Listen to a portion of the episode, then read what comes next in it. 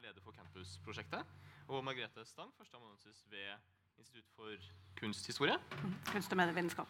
Ja, ok. Eh, Det er et par år siden jeg jobbet ved NTNU, så jeg husker ikke helt. Og Arve Gjelseth, kjent sportssosiolog fra forskjellige medieflater, og førsteamanuensis i sosiologi ved NTNU. Velkommen. Før vi begynner for alvor, så vil jeg bare spørre om en veldig kjapp ting. og det er Hvor mange som sitter her i publikum, jobber ved NTNU? Fint. For da regner jeg med at de fleste av dere er sånn noenlunde kjent med den kontordebatten som har gått det siste hvert fall året. Eh, Den siste debatten i en lang rekke av diskusjoner om campusutforming og samlokalisering og arbeidsforhold ved NTNU. Så jeg tror vi begynner i en litt annen ende og kommer tilbake til den debatten etter hvert. For de siste, den siste tiden så har det pågått en del diskusjoner, i, særlig i fagpressen, altså Krono, Universitetsavisa osv., om de ansattes medbestemmelse i akademia. Og det har kommet en rapport, eventuelt et politisk skrift, avhengig av hvordan man ser det, som sier at Oslo OsloMet er Norges minst demokratiske kunnskapsinstitusjon.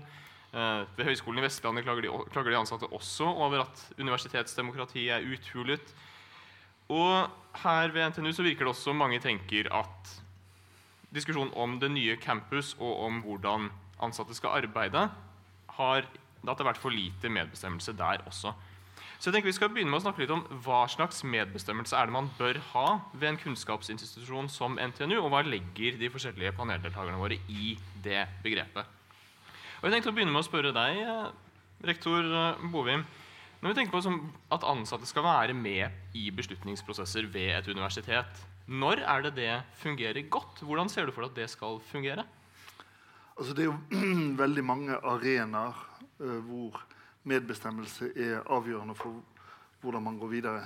Uh, du har noen formelle arenaer, og så har du noen uformelle. De formelle er jo gjerne et tillitsvalgtsapparat hvor, hvor det tradisjonelt er ulike kategorier til tilsatte som har sine tillitsvalgte. Så har du formelle høringsordninger, og så har du styre på flere nivå som har medvirkning. Eh, og vi har veldig formelle og uformelle høringsrunder og diskusjonsarenaer. Sånn medvirkning og medbestemmelse er en prosess som ideelt sett skjer før en beslutning tas, og som sørger for at beslutningen er i tråd med det ansatte syns er et godt valg. Så blir det jo ofte problem at ansatte kan jo ha ulike syn, de også. Og da må man mer ty til det formelle arenaene. Og hva, hva, skjer da? Når man skal balansere balansere altså ansattes forskjellige og motstridende oppfatninger opp mot hverandre? Ja, altså hvis, hvis, du er på en formell prosess, så har vi jo styrenivåene mm. som kan bestemme dette. Eller det formelle organet sånn uh, samarbeidsorgan, lokalt samarbeidsorgan eller sentralt samarbeidsorgan hvor man kan uh, ha medvirkning og medbestemmelse. Eller så har du eh, til syvende og sist, hvis ting skal opp i styret, så er jo det et organ der ansatte har sine representanter. På en måte Det ytre demokrati har sine representanter gjennom eksternt oppnevnte, og studentene har sine. Så til uh, deg, Arve Gjelseth, snakk om medbestemmelse her. Hvor, godt syns du medbestemmelsen fungerer ved NTNU? Hvor stor påvirkning har de ansatte på de beslutningene som tas? Etter ditt syn? Det varierer nok en del fra sak til sak. Altså det er Medbestemmelse har vi jo gjennom diverse sånne faglige organer, selvfølgelig. Men eh, når man snakker om universitetsdemokrati, så kan jo demokratibegrepet forstås på ulike måter. Altså På den ene siden så er jo demokrati en prosedyre for å fatte beslutninger hvor beslutningen prinsipielt er forankret i eh, de som, den delen av befolkningen som beslutningen angår. Her da eh, ansatte og studenter ved universitetet, f.eks. Hvis man betrakter demokrati på den måten, så er det jo ikke noe tvil om at demokrati er bygget ned når man eh, går fra f.eks. valgte til ansatte ledere på alle nivåer. Det sier seg jo selv. altså det, det lar seg ikke diskutere. Men medvirkning er jo noe annet. Og demokrati kan også bety noe annet. altså Demokrati kan også handle om det som uh, Jørgen Habermas kaller for deliberasjonsdemokratiet. Altså de arenaene for samtale som man uh, har for å fatte beslutninger som er mest mulig saklig og fornuftig begrunnet. Og der vil jeg jo si at uh, vilkårene for diskusjon og debatt og sånn er ganske gode. Og sannsynligvis er de også bedre enn de var for ti år siden. Gjennom de arenaer som vi har. Både formelle og, og, og ikke minst uformelle arenaer. Samtidig som jeg nok syns at det som jeg har vært kanskje spesielt opptatt av, uten at det er så lett å, å artikulere det, er jo hva slags type kunnskapsgrunnlag som institusjoner som NTNU og, og universiteter, men offentlig sektor generelt også, legger til grunn for de premisser som skal diskuteres. Som jeg håper å komme tilbake til, hvor jeg syns at en del av det kunnskapsgrunnlaget er hentet inn fra veldig lite egnede arenaer. Men du sier også at arenaene for eh, påvirkning og medvirkning har blitt bedre. Kan du gi noen konkrete eksempler på det? Nei, At vi har en, funger en fungerende offentlighet rundt uh, høyere utdanning og forskning, syns jeg er veldig positivt. Altså Krono, universitetsavisa etc. er jo veldig verdifulle arenaer hvor universitetene skal ha all honnør for at de har tillatt at disse organene styres etter redaktørplakaten f.eks. Det er jo veldig fortjenstfullt og muligheter, gir muligheter for kranglefanter som meg til å komme til orde. Sånn. Det er jo bra. Og så er det jo altså Jeg, jeg er helt enig i det. Og, og, og, det er jo sånn at det har en stor betydning for både prosesser vi kjører, og hvilke shortcut en ledelse kan bli fristet til å gjøre hvis det ikke var synlig. Sånn det er veldig viktig at dette er åpent og transparent. Men så er det også sånn at som et offentlig universitet så er jo demokratibegrepet og hvem beslutningene angår, også et spørsmål om hvem angår det at utdanningstilbudet blir slik og sånn. Det angår ikke bare studenter og ansatte, men det angår også fremtidige arbeidsgivere. Som sånn sett, eller samfunnet rundt oss, som sånn sett bør ha en medvirkning i et demokratisk styrt, ledet universitet. Sånn, når vi er en så stor institusjon, så er, så er demokratiinnvirkningen på beslutningen den ligger også utenfor institusjonens grenser, fordi at alt vi gjør, påvirker samfunnet rundt oss.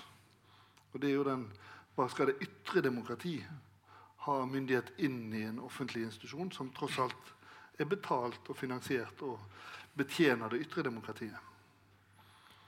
Når du sier det, det ytre demokratiet og det skal, hvilken myndighet det skal ha over universitetet, hva, hva, tenker du, er det noe konkret du tenker på da? Så tenker du på for en diskusjon som var om hvorvidt universitetene skal være foretak eller ikke? Eller er det om bevilgninger og sånt, eller er det noe mer Nei, jeg tenker, folkelig Jeg tenker vi, ha, vi som er på universitetet, som jo har en samfunnsjusterende rolle, vi skal også ha respekt for at når vi er en så stor institusjon, så er det et legitimt behov for samfunnet rundt oss å ha, med, ha, sin medvirkning på hvordan vi bruker de ressursene vi har. Vi bruker 9 milliarder i året på mm. NTNU. Det er ikke uinteressant for de rundt oss hvordan det brukes, og det er legitimt for dem å ha synspunkt på det. Mm. Ja, skjønner jeg det. Og det er ikke udemokratisk. Det var mitt poeng.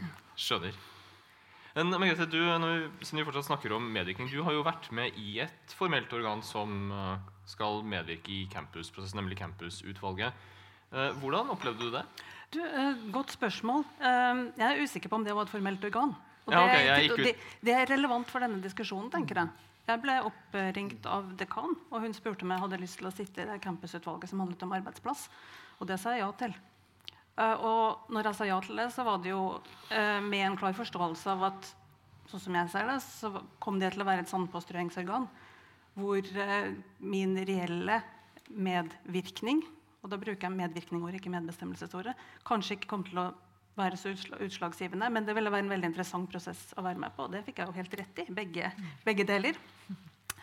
Um, så, og jeg tenker jo litt det at vi har altså dette, dette grenseoppgangen mellom formelle og uformelle arenaer som, som Gunnar Bovim eh, tok, trakk frem at det er kanskje et av de problemene som vi sliter med. og det tror jeg er et sånn bredt generelt samfunnsproblem, Og at vi har et sånt innspillsdemokrati. Det inviteres til sånn type campuskafé og sånne ting som der. Uh, som, Jeg vet ikke hvordan oppmøtet har vært. Jeg har vært på noe av det. Det har ikke vært mye, men jeg opplever blant mine kolleger at det ikke er så veldig mange som deltar på det. Ser jeg på instituttlederen min her. Sånn, uh, og, og, det er jo ut fra en, en litt sånn kynisk uh, erfaring om at beslutningene treffes ikke der, og at vi bruker, mye energi på å snakke sammen og har disse uformelle samtalene. Og når vi er en så stor institusjon som NTNU er, eh, så er det klart at da, da er de formelle arenaene veldig, veldig viktige.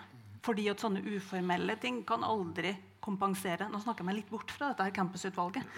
Men, men litt til den, det første spørsmålet du stilte, da, så kan du heller stille oppfølgende spørsmål om campus, eh, erfaringen fra campusutvalget. For det er jo en soga i seg selv.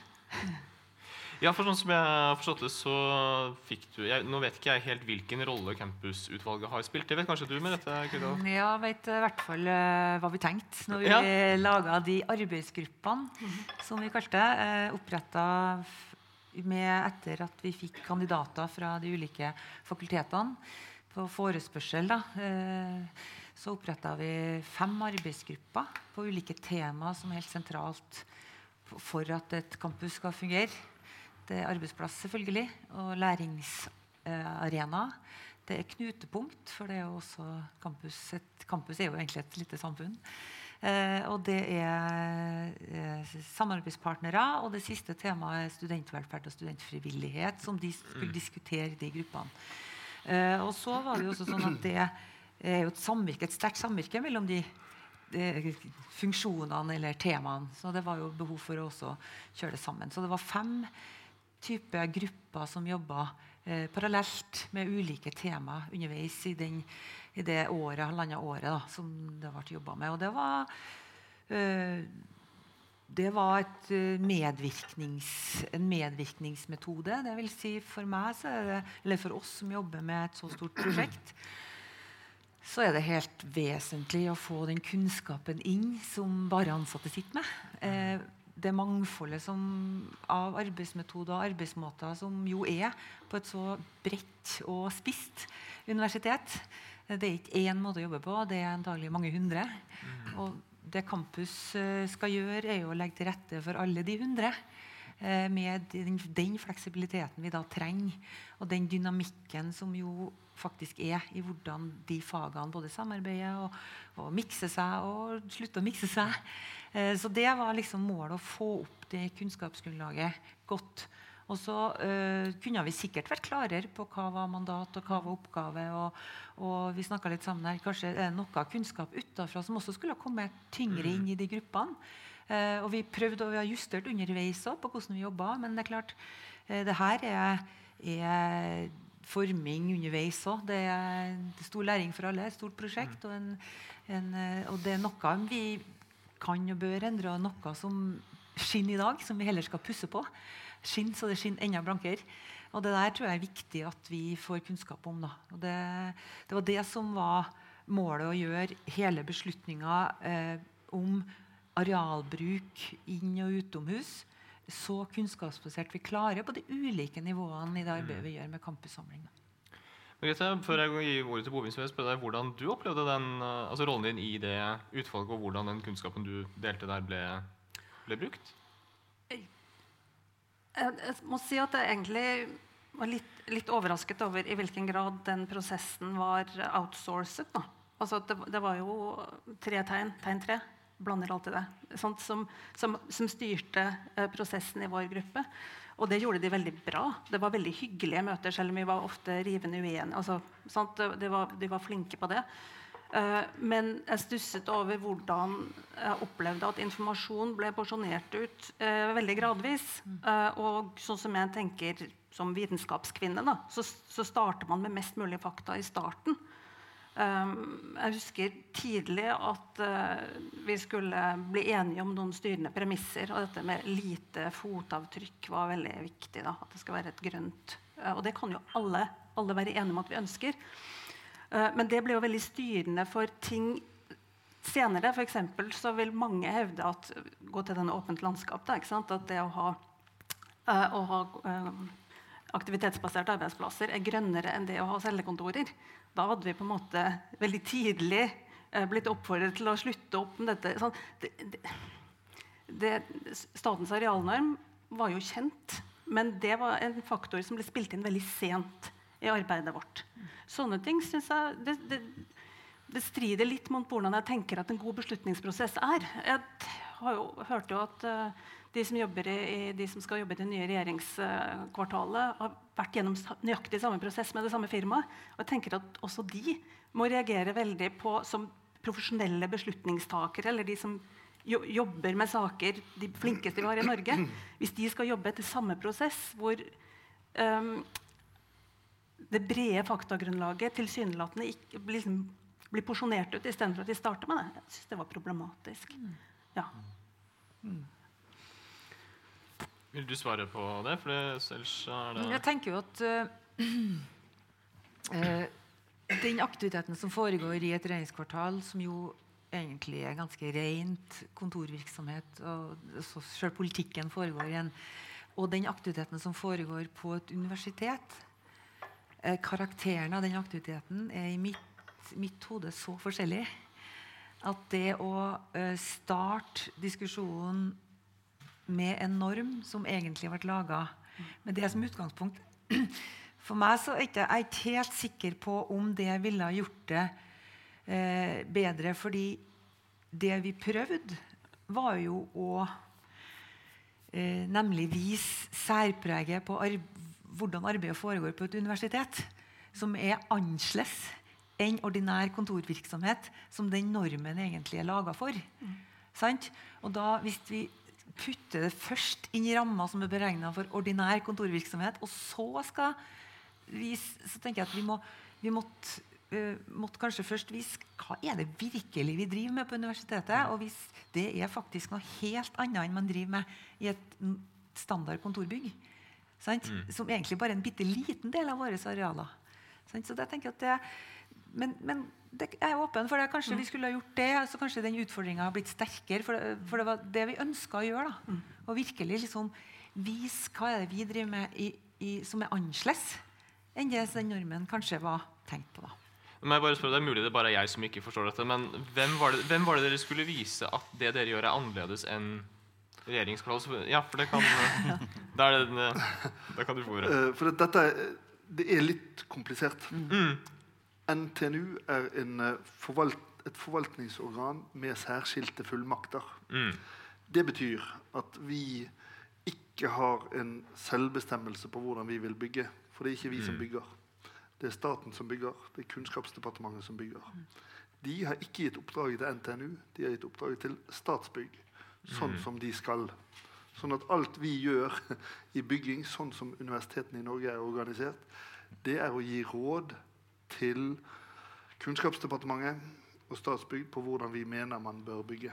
Men det er de som bygger. Det er liksom det er bestemmelsen. Det er organiseringen vår. Så er spørsmålet Margrethe lurte på om det var formelt eller uformelt. Det er uformelt. Men man må ikke forveksle uformelt med uten betydning. Det uformelle har minst like stor betydning som det formelle. Fordi at eh, Jeg ser av og til for meg en jernbanelinje der du, har, du skal velge hvilket av de to sporene du går i. Det beste medvirkningen er at du hjelper til å velge riktig spor. Det kan bety at du ender opp på veldig forskjellige steder, men valget fremstår ikke så veldig ulikt der og da. Det er den beste medbestemmelse og medvirkning vi har, det er at vi velger riktig spor. Men det behøver ikke være en formell beslutning.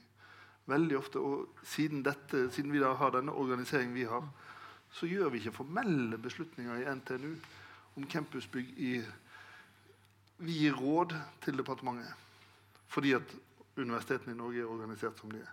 Og det gjør at det er Vi er egentlig en rådgiver for de som skal bygge, men så skal vi ta det i bruk og ha det godt der. Og det gjelder da å balansere dette på en god måte. Så hensikten da vi opprettet de arbeidsgruppene der, og vi oppretta mange arbeidsgrupper, det er at vi skal få et bevissthetsnivå som gjør at vi gir gode råd når vi gir råd inn. Og jeg, kan, jeg kan ikke gå inn på selve prosessen i arbeidsgruppen, sånn, men hensikten vår var å få opp det best opplyste grunnlaget vi kunne for å gi gode råd. Og Forskjellen mellom regjeringskvartalet og NTNU var jo det at vi har arbeidet oss frem til at vårt råd til Kunnskapsdepartementet er at man ser ulikt på administrativt arbeid som regjeringskvartalet og vitenskapelig arbeid som universitetene i stor grad bedriver. med. Vi mener at det i større grad bør være altså Man bør se på om ikke man skal ha noe større areal for vitenskapelig arbeid. Bør vi skjerme det bedre, f.eks. i form av cellekontor, eh, enn man gjør med annet arbeid. Det mener vi vi har legitime argumenter for. Så kan vi godt si at ja, men det burde gjelde administrative òg. Ja, der er det altså sånn at det store demokratiet har hatt en politisk beslutning på regjeringsnivå på hva slags, hva slags norm man skal ha. Det har jeg respekt for, for jeg er en innbygger i landet som er glad vi har et demokrati som også kan ta beslutninger, selv om jeg ikke liker de beslutningene.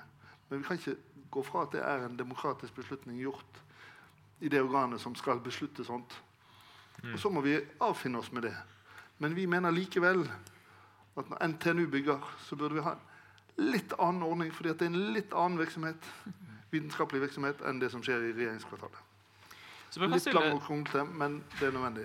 bare et lite oppklaringsspørsmål. for Du sier at altså, NTNU som institusjon tar ikke formelle beslutninger om hvordan det skal bygges. Men det tas vel formelle beslutninger ved NTNU rundt denne prosessen allikevel, nemlig om hvilke råd dere skal gi til Kunnskapsdepartementet. Ja, så der, der, det hvis Der, gir, der, der har Kunnskapsdepartementet laget et organ som heter Prosjektråd. mm. Ekspedisjonssjefen i, eh, i eh, Kunnskapsdepartementet, ledelsen i Statsbygg, ledelsen i NTNU sitter der. Da gir vi råd. De beste rådene gir vi ikke formelt. De beste rådene gir vi prosessuelt gjennom hva arbeidsgruppa kommer frem til, gjennom hvordan vi arbeider med at de som prosesserer dette her, får de gode rådene akkurat når de skal pense seg inn på riktig jernbanelinje. Det er det beste vi gjør. Hvis vi på en måte regredierer til å komme med resolusjonsvedtak, så er det vel og bra, og vi kan si at ja, vi har gjort alt vi kunne, men vi får ikke gjennomslag. Det viktigste for oss er å få bygget en god campus. Da er det viktig å på en måte legge medvirkningen og rådene inn på en best mulig måte, sånn at det endrer atferd. Ikke sånn at vi kan skrive i avisen at jo, vi har sagt det vi kunne, men det gikk feil. Så Før jeg gir ordet til Gjelseth og så Stang, så vil jeg bare si at fra omtrent kvart på så blir det anledning til å stille spørsmål fra salen også. Så bare kast dere på. Dette, blir, dette arrangementet blir tatt opp til en podkast, tror jeg. Men det, de fleste av dere er jo universitetsansatte, så dere er vant til å snakke foran flere mennesker. Og det tror jeg går helt fint. Eh, men Gjelseth, du har meldt deg på. Ja, nei, det var bare dette med forholdet mellom uh, universiteter og, og regjeringskvartalet. Altså det er klart at uh, I regjeringskvartalet skal det jo ikke gå 40 000 studenter rundt daglig. Så, så det er klart det er store forskjeller. Samtidig så understreker jo Statsbygg at denne arealnormen gjelder jo kontordelen av virksomheter. altså Auditorier og sånn faller jo utenom. Så det er ikke åpenbart at forskjellen er så stor. Men nå, nå blir jo løsningen i regjeringskvartalet sterkt imot de ansattes ønsker der også, da, så det er ikke sikkert det er noe, eh, noe argument i denne sammenheng. Men, men, eh, men eh, det er klart at det er Jeg syns det har vært litt sånn forvirring rundt denne arealnormen, fordi jeg tror mange har gått rundt og tenkt at det er de 23 kvadratmeterne inkluderer alt. Og det gjør det overhodet ikke. altså. Så det er, men, så, men jeg er helt fullstendig klar over at det er Statsbygg som er motparten her, ikke, ikke rektor og campusprosjekt. For all del. Mm. Nei, jeg ble nesten litt bekymret. da. Jeg skal prøve å tolke rektor i, i, i best mulig mening. Det er det altfor få som gjør. Men, men eh, jeg, altså, en av de virkelig store erfaringene jeg hadde ut av å sitte i dette utvalget, som var et uformelt utvalg, da, var jo nettopp takk Gud at vi har de formelle organene.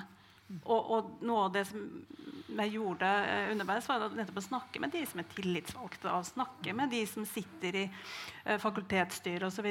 Fordi at det, det føltes, eh, føltes veldig rart å være i en sånn prosess som på en måte var eh, frikoblet fra universitetsdemokratiet. Uh, og at disse kommer jo instituttmøter og sånne ting. Men, men, men det følelsen av at de viktige beslutningene må jo for Guds skyld foregå et annet sted enn i dette utvalget.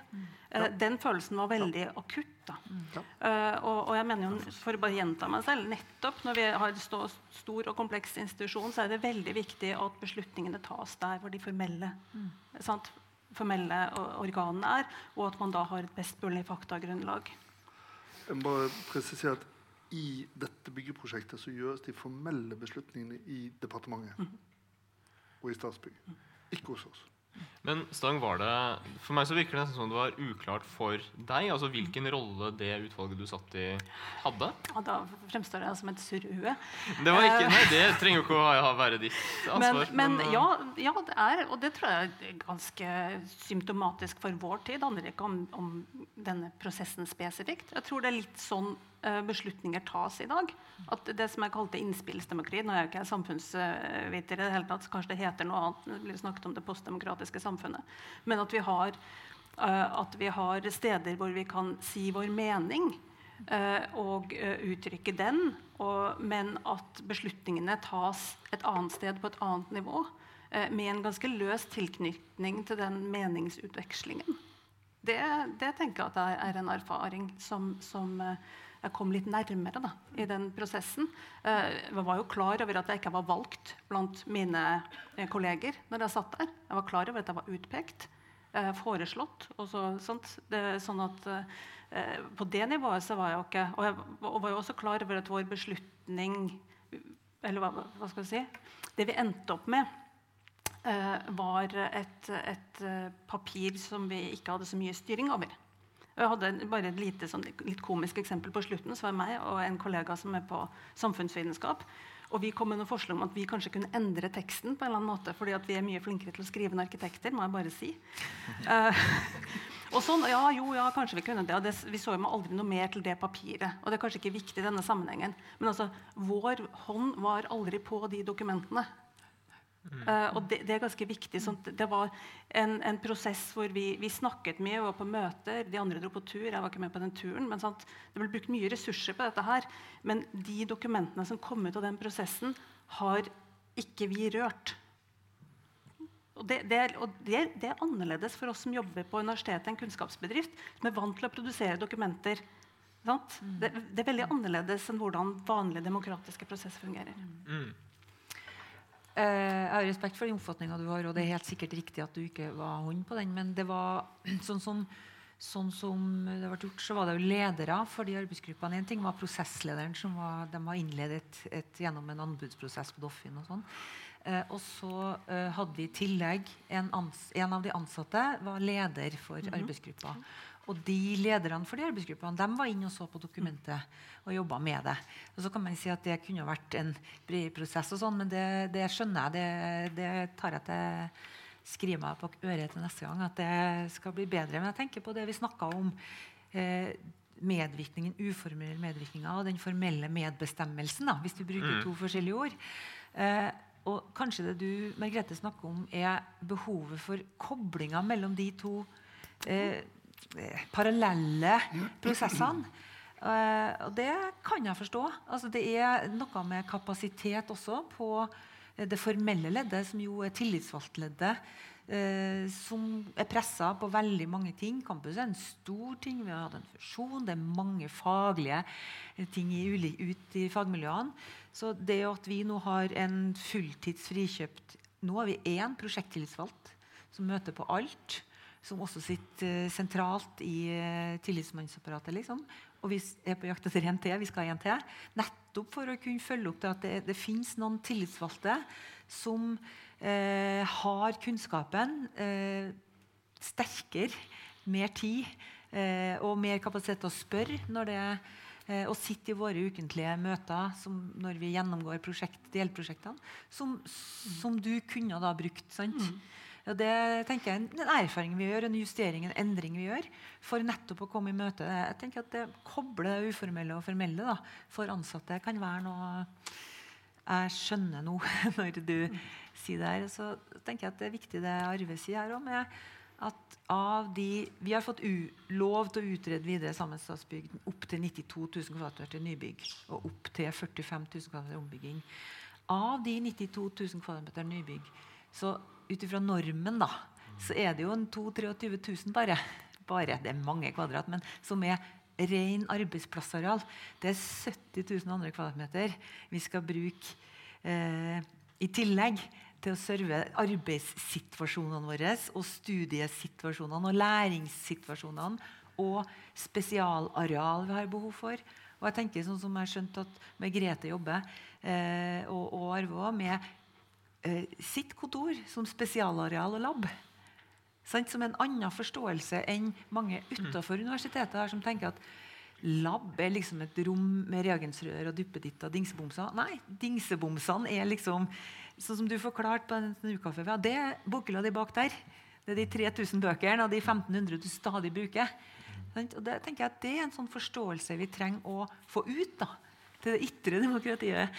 Som, for at det er noe annet. Eh, og, og også et samvirke med de 70 000 andre kvadratmeterne som er annerledes annerledes enn Det kommer studenter inn i de eh, 22 000 ja, i de arbeidsplassarealene. Og, dem, og de av våre ansatte ut i de 70 000 andre. Så det er en sånn sterkt samvirke mellom de ulike typene arealvern. Vi kan komme litt tilbake til hvordan, uh, hvordan, det går med deres forsøk på å få den forståelsen inn i det ytre demokratiet senere. Uh, for Vi snakker også om kunnskapsgrunnlag her, og en, en måte å bidra til kunnskapsgrunnlaget for de beslutningene som skal tas ved NTNU, og som skal spilles inn til departement og prosjektråd, og alt dette her, er å sitte i et utvalg. Det er én måte å bidra til dette på. En annen er jo å bli spurt på forskjellige måter. Og du Elseth, har jo vært kritisk til måten dere har blitt spurt på om deres mening om f.eks. kontorareal. Ja, det gjelder flere spørreundersøkelser, ikke bare det der eh, arbeidsplassutformingsundersøkelsen som ble sendt ut en eller annen gang i, for et drøyt år siden, tror jeg det var. Eller var det i fjor vår? Jeg husker ikke. Eh, men eh, det gjelder egentlig generelt. Altså, det, det, ligger noen premisser til grunn som er veldig underlige. Altså den, det var en spørreundersøkelse om campusutforming i forrige studieår. Jeg husker ikke om det var 2016 nå har vi 2019, da. Jeg husker ikke om det var 2017 eller 2018. Men, eh, men, men det var eh, Altså, det, jeg sitter på et institutt som har veldig høy kompetanse på spørreskjemametodikk. Og en av de vanskeligste tingene i spørreskjemametodikk det er spørsmålsutforming. Og dernest hvordan du skal tolke svarene. Og disse her konsulentfirmaene som man, man, har til å utforme sånne ting altså det, Den spørreundersøkelsen den var for det første var den fryktelig lang, og for det andre så var den pinlig dårlig. Altså Det er utrolig pinlig for en institusjon som NTNU å bruke ressurser på noen sånn halvstuderte røvere i Ernst Young og hva det heter alt sammen, til å utforme noe som leverer resultater som overhodet ikke kan tolkes, utover at det er noen tall som kan se flashy ut på powerpoint og sånn når det skal, det skal, presenteres. Men det, det, det, er noe av det som irriterer meg mest med dette. her. Hvor, kom, hvor kommer disse premissene fra som de bruker?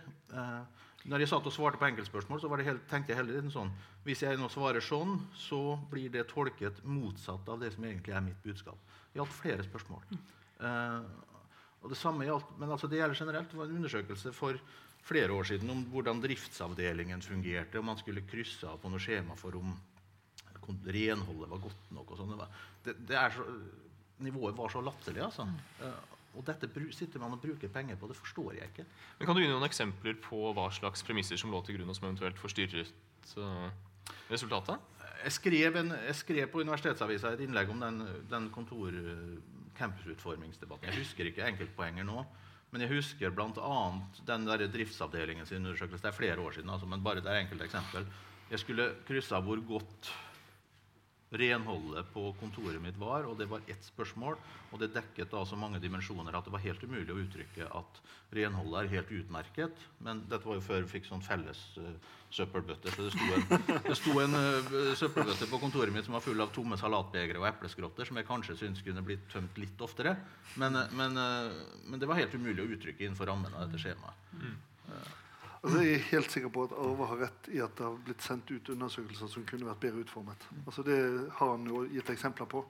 Men, men, men, det er jo ikke sånn at ledelsen sender ut spørreundersøkelser for å tåkelegge ting. Vi, vi, sender det jo ærlig talt ut for å få bedre opplysninger om hvordan ja, men det er ikke, det, Jeg skylder ikke på det, men jeg skylder på de ja. prosessene som fører til at inkompetente folk får lov til å det, men, jobbe på deres vegne med dette her. Det var det jeg skulle arbeide meg inn mot. at det er noe av det som vi på NTNU har som ambisjon med campusprosjektet, er jo at våre fagmiljø, som kan mye av det som en, det å bygge sånne bygg dreier seg om, at de skal mobiliseres. Så skal vi erkjenne at det er ikke alltid like lett. Fordi at logikken i et prosjekt som campusprosjektet er en prosjektlogikk. Mens logikken til forskningsmiljøene våre er en forskningslogikk. Det passer ikke alltid i hop. Og det jobber vi ganske mye med nå for å få mobilisert de som er betongforskere, til å hjelpe til, sånn at vi kan gi råd til fremtidige utbyggere. Det er logistikk i bygg, det er arbeidsplasser, det er forskningsprosessen, det er utdanningsprosessen, læringsprosessen. Alt det der. Og vi har en ambisjon om at det er ikke det samme for staten om de bygger for Universitetet i Oslo eller NTNU. fordi at NTNU har kompetanse på det å sette opp sånne bygg, og vi bør bruke den kompetansen dels til å utforme det vi bygger sjøl, men i hvert fall til å kunne gi råd til de neste med det vi ikke får til. Så vi har en høy ambisjon på det, og da har han noen eksempler på forbedringsområder. Der er dessverre også mange andre, men, men det ønsker vi. Det andre vi ønsker, er jo at det er jo ikke første gang i verden at det bygges et, eh, et universitetsbygg. Det vi holder på med, Selv om det er Statsbyggs største prosjekt noensinne. Det er internasjonale erfaringer med hva som fungerer. Vi, vi reiser ganske mye rundt internasjonalt for å få se hva som fungerer, og hva som ikke fungerer. Og jeg husker jeg var, jobbet ganske mye med sykehusutbyggingen på eh, St. Olavs hospital. Og det er klart, Da var det mange impulser utenfra som gikk på tvers av det kollegene der syntes var gode løsninger. Altså 70% av overlegene på St. Olav var med i foreningen Bevar høyblokka. Eh, ikke riv dette flotte bygget. Jeg tror de fleste syntes det var en god idé i etterkant at det ble revet. For det var tross alt bare to toalett på 24 senger. At det ble bedre. Men, men det er noe med å bringe erfaringer. Fag. Det er, også et fa det er mange fag i dette. For dem også med utenfra. Det tror jeg er en viktig impuls. Så jeg syns det var dumt Margrethe, at ikke du var med på den studieturen. For det bør vi være. Vi bør ut og se. Eh, Gjelseth, hva tenker du om det svaret? Nei, altså, jeg, jeg, skjønner jo, jeg skjønner jo på en måte hvilke, hvilke organer og aktører som styrer ulike sider ved denne prosessen. Så jeg har ikke, jeg har ikke noen problem, jeg opplever ikke at vi er så uenige. Jeg gir bare noen eksempler på, på, eh, på prosesser hvor kunnskapsgrunnlaget er for dårlig, og i tillegg hvor da risikoen er veldig stor for at når de som da utformer disse undersøkelsene på vegne av eh, eller for NTNU, de kan da presentere resultatene på måter som er stikk i strid med det man egentlig ønsket å formidle. Altså, og, det skyldes også delvis at universitetsarbeid for, i hvert fall for vitenskapelig ansatte er litt annerledes enn for det som foregår i re- regjeringskvartalet. Det handler også om relasjoner. Eh, I den der arbeidsmiljøundersøkelsen, den siste versjonen nå var bedre enn den som var for en fire-fem år siden. Men for fire-fem år siden så var det eksempel et spørsmål om hvorvidt min nærmeste leder hadde fulgt opp hva jeg jobbet med og sånn. altså noe greier. Og så svarte jeg nei på det, men det kan jo da tolkes som at det da, da er jo ikke dette en god leder. Men hvorfor i all verden skulle min nærmeste leder gjøre det hvis, hvis jeg publiserer og gjør det som jeg skal gjøre? og sånn? Det, det, det er ikke sånn arbeidslivet fungerer på universitetet. Og, og, og det må man ta høyde for når man utformer sånne undersøkelser. Jeg tenker nesten, altså du, Det er eh, store utfordringer med å lage spørreundersøkelser uansett. og Du illustrerer flere eksempler på det. og det våres, Den undersøkelsen vi gikk ut med, helt sikkert kunne vært forma på mye bedre måte. Eh, og vi vet at det er feller å gå i når man uans, nesten uansett på spørreundersøkelser. Derfor så var ikke det det eneste grunnlaget vi brukte. Det ble kombinert med også kvalitative undersøkelser som eller kvanti andre kvantitative som telling, sant? som jo også var veldig kontroversielt. Men som og er en, en del til, da. Altså jeg bringer, altså det, er sant, ja, det er latterlig mange sammenhenger, det, men det, det ble kombinert. Og ikke minst så ble det kombinert med gåturer når vi gjorde funn ja, som var ikke til å forstå, eller det var veldig stor forskjell på areal som var tilsynelatende likt. sant? Så ble det eh, komplettert med, med gåturer med ansatte og tillitsvalgte og hovedverneombud og folk som bodde i de områdene, siden sånn, jobber der, for å sjekke hva som gjør at dette området blir brukt mye, men ikke det her. Altså, det er små ting og store ting.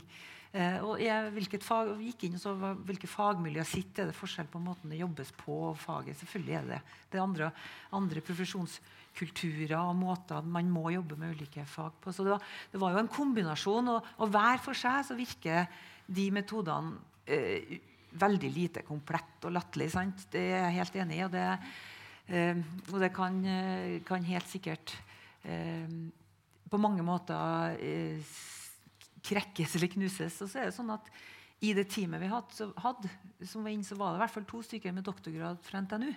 Eh, og det tenker jeg at det, så man kan, det er eh, det er rett og slett et utfordrende fagområde som er mange ulike meninger og, og, og ulike kompetanser. Det er, eh, og jeg tenker at Vi kan alltid bli bedre. og Den spørreundersøkelsen var en, en stor internasjonal kobla til en stor internasjonal database. I tillegg til at den ble tilpassa i arbeidsgruppene. så gikk man gjennom spørsmålene gjorde de tilpasningene man kunne, sånn uten at det likevel skulle ødelegge sammenligningsgrunnlaget. Stang? Nei, bare i, i, Med fare for å spore av, da, siden denne hodetellingen eh, kommer opp. Eh, men, men, det er jo et godt eksempel på det at man på en måte gjør, gjør alt det riktige i gåseøynene, og så likevel så ender man opp med noe som mange føler et stort ubehag med. da. Mm. Og og, og, og, en sånn interessant ting rundt dette med hodetellingen at man oppdaget at vi er forbløffende lite på kontorene våre. Og da liksom Om man er på toalettet, eller om man er på forelesning eller om man er hjemme med sykt barn, spiller ingen rolle i den hodetellingen, for det er bare en ren sånn kvantitativ undersøkelse. Uh, men, men uh, noe som var oppe i vår gruppe, var jo det at vi bruker jo kontoret selv om vi ikke er i det. Sant? Fordi at det er 3000 bøker der. Og de bøkene kan ikke være et annet sted når vi er på toalettet. De er på en måte der. Um, og, og, dette her var noe som liksom dukket opp igjen og igjen. Det liksom glapp ut av rapporten. Og den siste runden, når den svære matrisen skulle sendes inn, det var liksom et A3-ark med sånn liten skrift at jeg måtte sitte med luppe for å se, sånn, så var det plutselig borte. Et sted å ha Oppbevaring, tror jeg vi kalte det. Oppbevaring høres jo ganske anonymt ut. Men denne var en sånn så viktig for så mange av oss, dette her, det, det vi bruker kontoret til, som ikke er fleksibelt. Disse bøkene kan vi ikke flytte på. Eh, det, det, hadde en tendens til å bare falle Og jeg tror ikke det er noe sånn eh, ondsinnet plott for å fjerne bøkene fra kontorene våre. Men det sier noe om at prosessen ikke er bra nok. da at når veldig viktige momenter detter ut, til tross for at det sitter mange høyt kompetente mennesker med sine doktorgrader og sin arbeidserfaring og spiller inn dette gang etter gang, og de som styrer prosessen, sier ja, det var nytten, og det hadde vi ikke tenkt på. Og så likevel så ender det opp med å nesten ikke eh, komme med i sluttresultatet. Og eh, vi er jo fortsatt mange som er Nå vet jeg at det er ikke tatt noen beslutning, men vi er veldig i tvil om vi om vi om 10-15 år har det stedet hvor vi kan oppbevare sakene våre når vi er på do. For jeg husker jo faktisk den der hode... Du skal ikke ta dem med deg det, tror jeg. jeg husker jo faktisk den der hodetellingen, at det ble snakket om det. og nå er ikke jeg som det bredeste kildegrunnlaget rundt det, men jeg fikk jo inntrykk av at det var mange som opplevde det som ugjennomsiktig. Og det du beskriver nå, virker også som en opplevelse av at det er en ugjennomsiktig prosess. Det, har det vært er det en utfordring for dere altså å gjøre prosessene dere involverer de ansatte i, mer gjennomsiktig, så folk forstår Ja, det er generelt med ledelse i en institusjon med 7000 ansatte og 40 mm. 000 studenter, så er gjennomsiktighet en generell problemstilling. For vi kan si det, men det er ikke sikkert at det høres sånn ut likevel. Så det er en generell utfordring hele tiden. Og jeg tror og jeg tror som Arve var inne på, Da er det viktig at vi har uavhengige organer hvor dette kan diskuteres, mm. hentes opp. For noe blir oppfattet, noe blir ikke oppfattet. Og det er vanskelig for ledelsen å skjønne hva som er hva, og hvor det forskjellige ting skjer. Sånn jeg tror Vi skal absolutt erkjenne at ledelse på det nivået har en hva skal vi si, alltid vil være eh, informasjonskrevende, dialogkrevende, medvirkningskrevende. Hvis ikke vi mm. erkjenner det, så blir det i hvert fall problem. Men, men, jeg hadde lyst til, hvis vi, bare sånn siden det nå har vært litt sagt om kontor og ikke kontor I dag har vi delvis kontorlandskap og delvis cellekontor. Det kommer vi helt sikkert alltid til å ha. Det vi diskuterer, er ikke enten cellekontor eller kontorlandskap. Vi diskuterer brøkken eller hva er det som er mulig å få til, og hva er det som er hensiktsmessig å få til. Så har vi argumentert for at vi syns en større andel Cellekontor er hensiktsmessig for et universitet enn for, for et regjeringskvartal.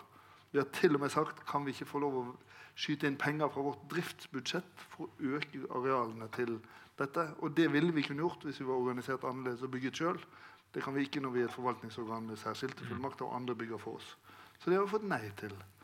Og, og da må vi på en måte, ja, da må vi erkjenne at det er i dette landskapet vi beveger oss. Mm. Og så må vi, når vi kommer så langt i prosjektet For vi er ikke kommet så langt ennå. Men når vi kommer så langt i prosjektet at vi skal utforme de enkelte fagmiljøene, de enkelte byggene, så må vi jo finne best mulig løsninger som kan være litt ulike for det ene faget i forhold til det andre faget. Samtidig som vi ønsker, fleksi, samtidig som vi ønsker å bygge på en måte som gjør at fagene kan bytte etter hvert, fordi at den faglige utviklingen er veldig uforutsigbar. Realfagbygget, bygget i ca. 2000 Det var jo ingen der som tenkte at digitalmiljøet var det som skulle utvides. Man snakket om kjemi, fysikk, eh, materialteknologi og sånt, som hver for seg også er viktige ting. Men, men det at digitalmiljøet plutselig har en kjempeekspansjon på antall studenter, det var uforutsett da. Vi må erkjenne at vi vet ikke hva som kommer til å ekspandere om 15 år. Det har vi ingen forutsetninger for å vite. Så vi må gjøre det fleksibelt og få det til. Kan jeg bare spørre deg, Du sa dere har fått nei. Eh, når du sier det, altså det, Hvilke konsekvenser vil det nei-et få, mest sannsynlig? Det betyr at vi forholder oss til de normene staten har satt opp, og så skal vi forvalte det best mulig innenfor det. Og jeg vil presisere at vi har et forvaltningsmul... Altså vi har valg... eh, Vi kan gjøre litt slik eller sånn. Det er vi, det vi fikk gjennomslag for ved å stå så hardt på det vi gjorde, var f.eks. Hvis jeg skal være litt teknisk, dette kan du korrigere meg på, men at 23 kvadratmeter per arbeidsplass er større forvaltningsmulighet for oss nå enn det ville vært hvis ikke vi hadde stått på dette. For de 23 blir også delt opp i det så mye til korridor, så mye til toalett, så mye til ditt fond, og plutselig så er du nede på bare 13 kvadrat, som er det du egentlig kan forvalte. Dette blir veldig teknisk, men jeg mener vi har fått gjennomslag for en større frihetsgrad enn vi ikke ville fått. Men vi har ikke fått gjennomslag for det vi ønsket, nemlig litt mer areal til den typen av eh, arbeidsplasser. Så det betyr at altså, deres eh, muligheter til å gi de ansatte ene- eller cellekontor er mindre enn det dere opprinnelig ønsket? Ja. Ja. Gjelseth, du hadde en kommentar, men da er det også mulighet til å tegne seg for å stille spørsmål fra salen. Så skal jeg prøve å holde køen riktig. Ja, når eh, rektor gjentar flere ganger dette med altså Det er jo Statsbygg sin rolle som er den sentrale her. og NTNU er et forvaltningsorgan. Det høres ut som man vil allerede nå vil ha omkamp om foretaksmodellen som statsråden har, har, har slått fra seg. Men altså, vi skal la den ligge. Men altså, det, er klart at det er eh, Statsbygg som er problemet her. Og jeg ser jo, jeg, ser jo at eh, når kritikken har blitt uh, veldig sterk, så har det av og til kommet en eller annen kommunikasjonsdirektør i Statsbygg og skrevet et innlegg med sånn mumbo-jumbo om hva som er eh, hensiktsmessige arbeidsplasser for eh, i en ny tid og sånn. Og det, det er jo sånn som jeg tror, jeg tror kanskje ledelsen har jobbet ganske godt på bakrommet, det som er usynlig for oss som står utenfor selve prosessen. Eh, alt kan de sannsynligvis ikke si heller om hva de gjør. Um, men eh, jeg vil gjenta at det er Statsbygg som er utfordringen her. Altså. Og det, det, eh, det er mye å si om, eh, om det. Eh, så bare én kommentar. Altså, det er klart at om 15 år, om 10 år, om 20 år så ser virkeligheten annerledes ut enn den gjør i dag. Det vet vi. Det kommer til å eksistere fag som vi kanskje ikke engang kjenner til. Men det betyr ikke nødvendigvis at folk vil jobbe vitenskapelig på så veldig forskjellige måter. For 20 år siden da var jeg doktorgradsstipendiat. Da sa man også at virkeligheten og ting vil se helt annerledes ut om 20 år enn de gjør i dag. Og når jeg ser på hvordan jeg jobber, så er det veldig likt. Altså for min del. Jeg sitter med en PC og skriver. Jeg bruker bibliotekets nettsider mer eh, i forhold til det fysiske biblioteket enn jeg gjorde før. etc. Eh, Men, men stort sett så foregår ting på oppsiktsvekkende like måter, selv om virkeligheten er veldig forskjellig. Så vi, skal, vi må ikke la oss forføre av den demagogien at det så, blir så annerledes i fremtiden som vi må bygge i et 50-årsperspektiv. og sånt. Sannsynligvis så vil verden se Verden vil ikke se lik ut, men måten vi jobber på, vil se ganske lik ut om 20 år som det gjør i dag. Så det, det er noe sånn forførerisk over det greiene der som jeg, som jeg tror er ren ideologiproduksjon. altså. Vida? Jeg tenker på, altså, du du snakka om at vi, vi har jobba, vi har flytta, vi har beholdt en frihet vi kanskje var redd for at vi mista. Eh, og det, det vi brukte da i de resonnementene og den argumentasjonen for det, og det kunnskapsgrunnlaget, kom jo nettopp fra det arbeidet vi har hatt, de resultatene vi har hatt, og den kunnskapsinnhentingen vi har hatt gjennom medvirkning. De resonnementene, den argumentasjonen, den forståelsen av hvordan mangfoldet av arbeidsmåter er et universitet, og også samvirke med de andre typer arealene vi har på universitetet, sant, som er annerledes. En annen type virksomhet enn det folk flest da, har erfaring med å jobbe i. Sant? Så, så det, det, det, var nyttig. Det er veldig nyttig. Det var veldig nyttig. Så kan du si at vi skulle ha eh, klart å vært enda åpnere og dokumentert det enda bedre. og sånn, Men det, det, det, var i hvert fall veldig nyttig for oss, de prosessene vi hadde, og det resultatet derfra. Mm. Det, med all honnør til de 50 ansatte som var med i de, og som la ned mye arbeid, så har det gitt det ga ammo til oss når vi skulle eh, argumentere for at det er annerledes kunnskapsbasert argumentasjon. Er det noe, altså den, Med den ammunisjonen, altså når dere har skutt med den mot uh, departement og prosjektrådet ja, Nei, ja, man, tar, man tar metaforen og løper av gårde med den. Men, men hvor, altså, hvor, treffsikker var den? da? Altså, hvor uh, mye fikk dere hva slags resultater fikk dere ut av det? Altså, den, eh, vi, vi, oppnådde jo det vi ville, i hvert fall til syvende og sist, med at hvert fall å ha eh, forvaltninga om de 23 sjøl, som gjør at, at Arve kan telle hvor mange kvadratmeter, om det er 21 han har, eller om det er 27 han har på sitt institutt. Det er én ting, men i hvert fall at de kvadratmeterne man får, da, bestemmer man, disponerer man sjøl inn i det fagmiljøet. tenker Hvordan organiserer vi våre arealer best for at vi skal få best mulig effekt ut av de, de midlene vi har til utdanning og forskning og innovasjon og formidling og kunst? Mange driver med det på NTNU. Så Det tror jeg er det vesentlige.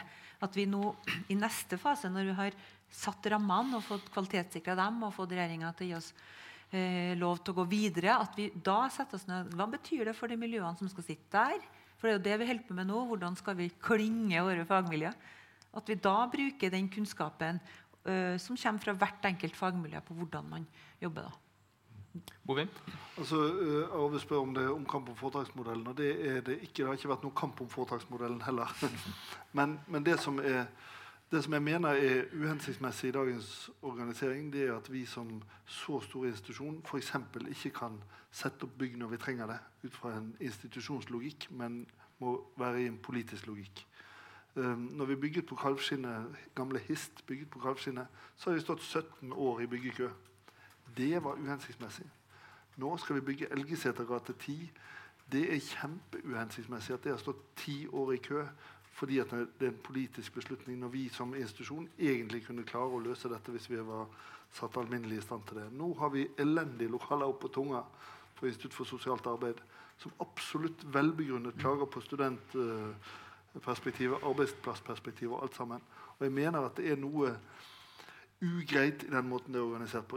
Og, og debattene vi har nå, er også avskygninger av samme uhensiktsmessige organisering, som jeg mener er et poeng. Men vi skal jo erkjenne at ja, politikken har sagt at det skal være sånn. Da skal vi selvfølgelig forholde oss innenfor det. Og det er sånn sett heller ikke Statsbygg som er de som har bestemt dette. Det er regjeringen som har bestemt det i et regjeringsvedtak at dette er arealnormen. Det Statsbygg tror jeg prøver å gjøre, er å peke på tentative oppsider ved en sånn greie å være ivrig og utføre sitt oppdrag. Men, men Statsbygg forvalter det samme regelverket som, som, vi gjør, og så skal vi prøve å finne ut av det sammen med dem. Men rammene settes ikke av Statsbygg, rammene settes av, av uh, regjeringen, og derved også departementet, og derved også oss. Ja, jeg er mer opptatt av altså det jeg kaller ideologiproduksjon. og Den er ja, det det, som står for, og det, det er jo en måte å, å, argumentere for at uh, normen er fornuftig. og sånn, Men du har jo helt klart rett i det. Mm, generelt. Mm. Hva legger du i ideologiproduksjon i denne uh, sammenhengen?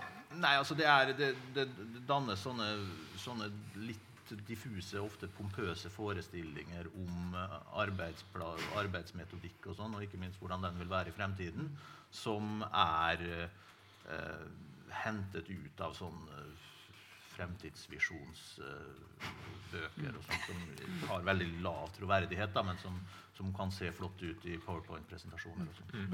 Det er ideologiproduksjon. Kan ikke jeg få lov å komme med et eksempel? Ja. Jo, klart. Vi var, i, vi var, i, Berlin og så på arealutformingen der. Og deler av delegasjonen var veldig begeistret når vi fikk høre at der var det 27 kvadratmeter per professor. Uh, som var kontornormen. Oi, det er bedre. Men problemet da var jo at førsteamanuensene de hadde 15. Og administrative ansatte der var normen 9. sånn, sånn, vi, det er noen flate strukturer som, som, hos oss ja, det er 23 per arbeidsplass. Så er det jo lav grad av hierarkisering, men summa summarum, når du ser på de 22 000 som da er kontor, ville Vi må jo erkjenne det. Altså, vi må jo se at Hvis vi hadde bygd andre steder i Europa, så ville det vært mindre samlet sett kontorplass til ansatte på NTNU enn det er hos oss. Det altså, Kan, kan jeg bare få gi et et eksempel på den ideologiproduksjonen? Det er jo det, det, det famøse Niagara-bygget i Malmö. Som jeg vet ikke om dere har vært der, der og sett på det. Det fikk jo da en sånn svær arkitekturpris da det ble innviet, eller etter at det ble innviet i 2015. Og, og det var jo bygget etter sånn clean desk-prinsipp med enorme flater. Og eneste som var synd, var at det var ingen som ville være der, verken av studenter eller ansatte. Og, og studenter fikk heller ikke tilgang til de ansatte, for ansattearealet måtte jo låse. Så der er de i gang med å bygge om allerede. Eh, for, å, Og vi har for at folk rett og slett skal orke å Skulle ha sittet i arbeidsgruppa og vært med på referansebesøk og studietur dit. vet du. Jeg har, det er så mye mål med så det kommer ikke. Jeg har, har masse kolleger der. Men, eh, ja. det var jo også bygget som hadde slagordet sånn eh, 'oppkjeftig utenpå, sakralt inni'. hvis jeg husker Så, jeg, tenkte, jeg tenkte jeg skulle si, altså Du snakker om ideologiproduksjon, og at Statsbygg står i, altså representerer på en måte det. da, og, og eh, arkitekter, altså, og veldig sånn visjonære arkitektfirmaer. Så tenker jeg at en av utfordringene våre, og som jeg har erfaring med fra de byggeprosjektene vi, tross vi arva eksempel, fra høyskolene, er den oversettelsesbehovet vi har faktisk fra når vi beskriver våre funksjonelle behov, og det oversettes inn i det som på byggespråket er rom- og funksjonsprogram og byggeprogram, som plutselig går over hodet på de fleste i, i Du må være så på de prosessene, du må ha så kunnskap til det, du må kunne sette grenser for hvor fort ting skal gå, og du må være sikker på at det er oversatt riktig. Og der syns, syns jeg glepp ofte i byggeprosjekt. Og et av mine mantra er at det skal glippe sjeldnere og sjeldnere. Og i våres, vi skal ikke gi oss. Vi skal, vi skal gi oss så sent som mulig på at, der, at funksjonaliteten, behovet vi har for funksjoner, er dekt i det som plutselig blir et, et dataprogrammert rom- og funksjonsprogram som blir eh, fasiten i neste fase. Sant? Og da er det sånn som Gunnar var inne på her, at vi, når vi velger retning tidlig da, lille, Jeg har jo forska på jernbane. Den lille justeringa på retning da blir plutselig to år lenger fram, så den plutselig kjempestor. Sant? Så det å være, passe på at vi faktisk penser riktig, eh, eller i hvert fall bevisst når det penses, og når den oversettelsen skjer, det tror jeg er en ting som er undervurdert i byggebransjens logikk. Sant? Og at, at vi, eksempel I staten så tas det lange prosjekteringspauser. Folk slutter, og prosjektledere slutter. Og, sant? Så all historikken forsvinner. Plutselig kommer det en ny prosjektleder på Statsbygg. Statsråden har skifta, og embetsverket har skifta. Alt det der er en utfordring, det òg. Og da er det viktig at vi har forklart det på en måte som er forståelig for dem som tar over. Ikke bare i tillegg til at det er forankra og funksjonelt til oss. Da får Stang siste ordet. Oi. Ja, eh, da Klokka er ti, så da er vi Um, når det gjelder dette her med, med som både Merete og Arve har vært inne på, på fra hver sin kant, da, med på en måte hvordan uh, høytflyvende ideer blir uh, omformet i praksis, så kan jeg bruke eksempelet ordet transparens. Som arkitektene i min gruppe var veldig opptatt av og syntes var et fantastisk konsept. Og, de syn, og, og vi kan jo alle være enige om at transparens er et ideal på et på en måte, overordnet nivå. Det er ofte etterlyst i prosesser. Så Vi har etterlyst det her. Uh, men det de mente var at det skulle være glassvegger overalt. At vi skulle kunne se på hverandre når vi jobbet. Og da var det veldig mange av oss i gruppen som steilte at det har ikke vi lyst til. Jeg har lyst på i hvert fall en gardin. Og det var på en måte full krasj mellom ideal og virkelighet. Og vi kan være enige om det abstrakte konseptet, ikke det praktiske. Og bare sånn på fallrepet Jeg har jo én arkitekturhistoriestudent som sitter i salen. Jeg tror jo alle på som er samfunnsengasjerte, burde ta arkitekturhistorie for å lære seg å snakke med arkitekter og forstå det språket de bruker. Fordi eh, eh, faktisk så og my, mye av det som vi har buttet med i, prosessen, har jo faktisk vært det å prøve å forstå hva arkitektene mener, og deres begrunnelser. Uh, og, og det er det, utfordringen vi kan sende til arkitektene, men også prøve å utdanne oss selv. Da.